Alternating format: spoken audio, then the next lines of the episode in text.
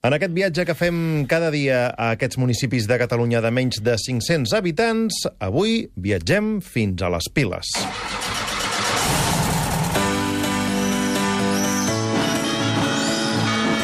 Viatgem per la microcatalunya. Viatgem a bord de la Volkswagen T3 amb la gent de microcatalunya.cat. Edu Bayer, bon dia. Bon dia. Avui ens portes fins a la capçalera del riu Gaià. Municipi, Les Piles. comarca, Conca de Barberà. habitants censats, 211. població que entén el català, 203. naixements el 2012, 3. gentilici, Espilenca o espilenca. un web per estar informat, Hi ha un blog amb informació de les Piles amb una adreça difícil de dir per la ràdio que trobareu a la fitxa del poble a microcatalunya.cat. qui mana al poble? Magí Balcells, de la llista Les Piles pel futur. El microlloc. De tots els racons de les Piles, Edu, n'ha seleccionat un que és el Parc dels Olors. Per què? A Catalunya hi ha com una quinzena de parcs de les olors. En cadascun d'ells eh, podem trobar prop d'un centenar de, de plantes medicinals i herbes aromàtiques.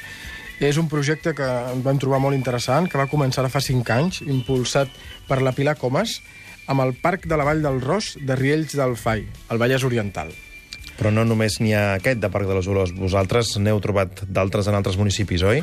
En micropobles n'hi ha eh, en, en altres, n'hi ha altres 4 o 5. N'hi ha a Farena, al Camp, a Viver i Serrateix, al Berguedà, a Tabertet, Osona, i a les Piles, que és a la Conca de Barberà. Aquest és el que hem visitat nosaltres. Mm. I es pot trobar eh, plantes medicinals com el punyol, la sàlvia, la ruda, o herbes cul eh, cu- culinàries com la tarongina, l'estragó, el safrà, també coses més oloroses com la lavanda. És, és realment un, un, un plaer acostar-s'hi, olorar, veure-ho i, i I- parlar amb la gent que en té cura. Les olors arriben, impregnen tot el poble o, és, o queden molt focalitzades al, al lloc on, on hi ha el Jardí d'Olors? No, no és tan fàcil com... i S'ha de baixar del cotxe i baixar i remenar i passar la mà per, per, la, per la planta de romaní, de farigola o... Bueno, és... S'ha de trepitjar terra. Sí, sí, sí.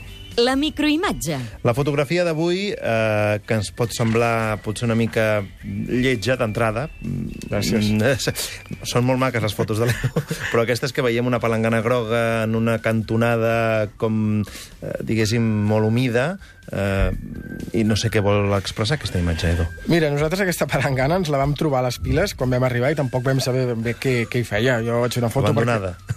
Sí, estava allà a la cantonada i no, no, no sabíem, no li vam donar... Vam pensar que algun nen havia estat jugant i se l'havia deixat, no? Fa, sembla que hi sigui un contenidor d'aquests de, de fitxes eh, apilables.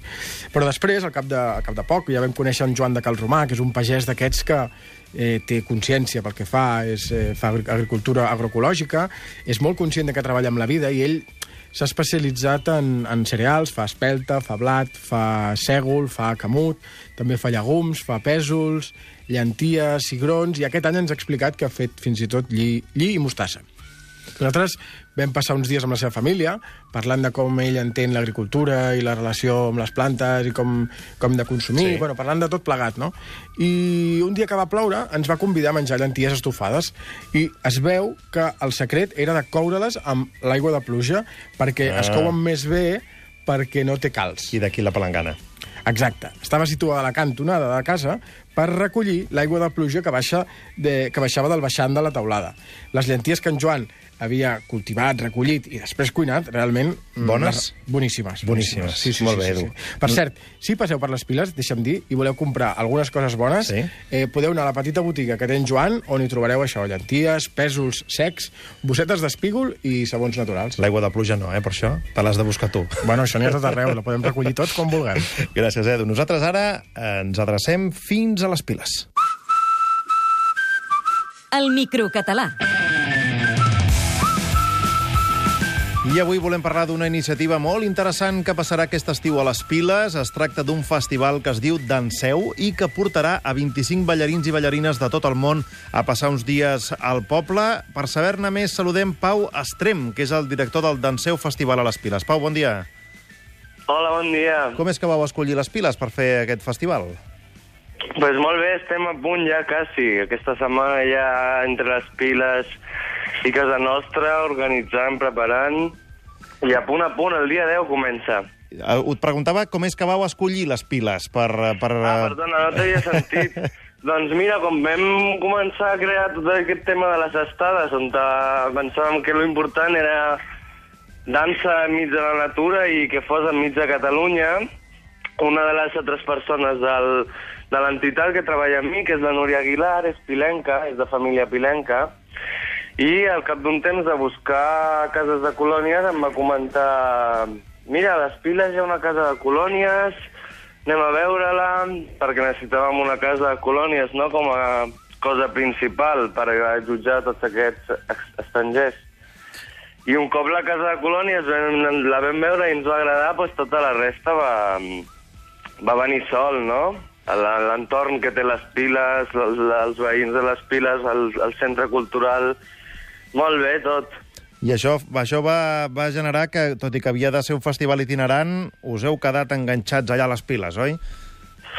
Sí, la veritat és que sí, la veritat és que quan vam començar l'any passat, eh, una de les idees era que, que el Danseu fos, fos eh, com has dit, itinerant, no parés, però l'any passat va anar, va anar molt bé a les piles i ja tenim una disponibilitat de, de moltes coses que segurament potser fins i tot la podríem trobar a un altre lloc, però ha anat tan bé que aquí ens quedem de moment i aquí ens quedarem. Fins i tot eh, destacaves la bona relació amb els veïns del poble. L'any passat vau acabar fent un sopar amb els veïns que m'imagino que repetireu aquest any. Sí, sí que ho repetim, el dia dissabte 16.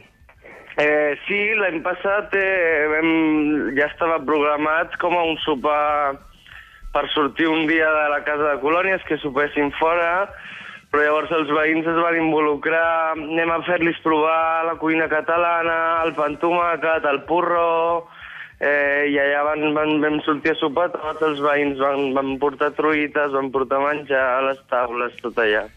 Molt bé, Pau. Eh, Deies que teníeu tot a punt. De fet, aquest any teniu ballarins que venen d'Alemanya, Guatemala, Mèxic, Bèlgica, Suècia, Japó, Itàlia...